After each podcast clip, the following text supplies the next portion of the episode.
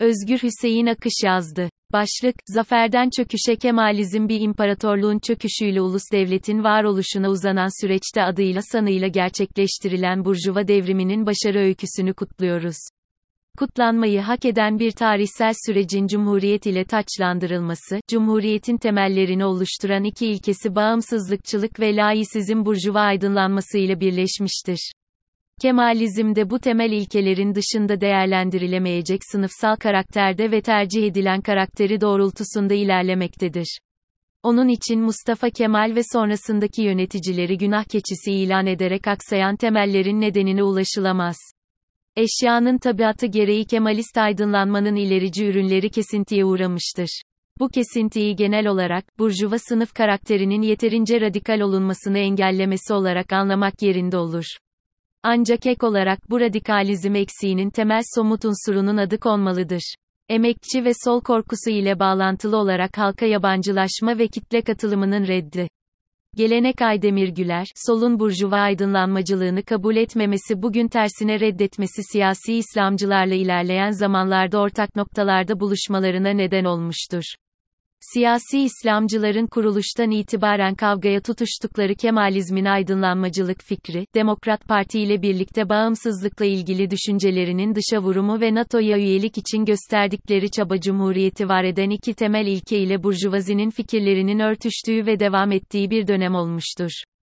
Burjuvazinin çıkarları Kemalizmin ilkeleriyle ters düşmeye başladığı andan itibaren başlangıçtaki sınıfsal tercihler ilkelerin içini kemirmeye başlamıştır. Burjuva aydınlanmacılığı din ile mesafesini kendi kar odağı olan halkın rahat yönetilmesiyle sınırlı görmüştür. Kemalizm tartışmalarına yeni bir boyut getirme niyeti taşımıyorum. Bu konuda birçok yazı yazıldı.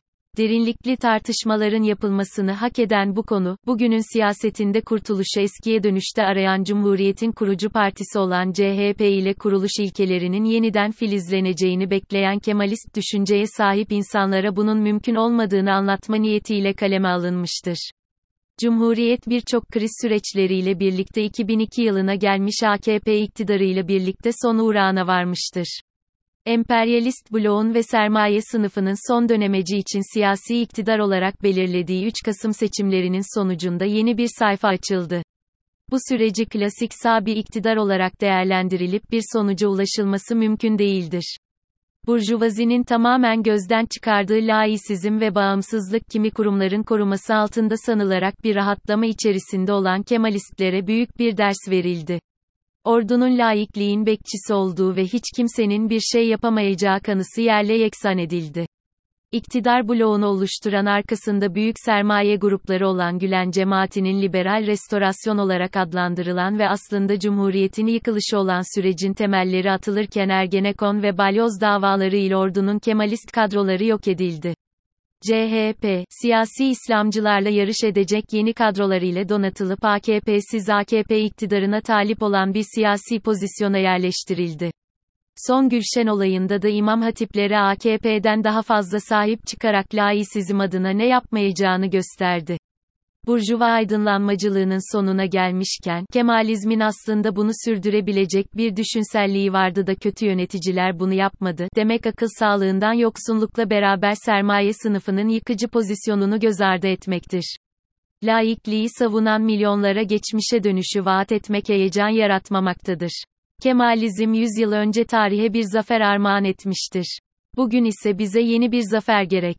İşçi sınıfı aydınlanmacılığı düne bugüne yarına ışık tutmaktadır. Marksizm milyonlarca emekçinin dünyada bugünün ve yarını kurtarması için tek rehberdir. 30 Ağustos kutlu olsun. Yeniden kuracağımız cumhuriyet için ışık saçmaya devam etsin.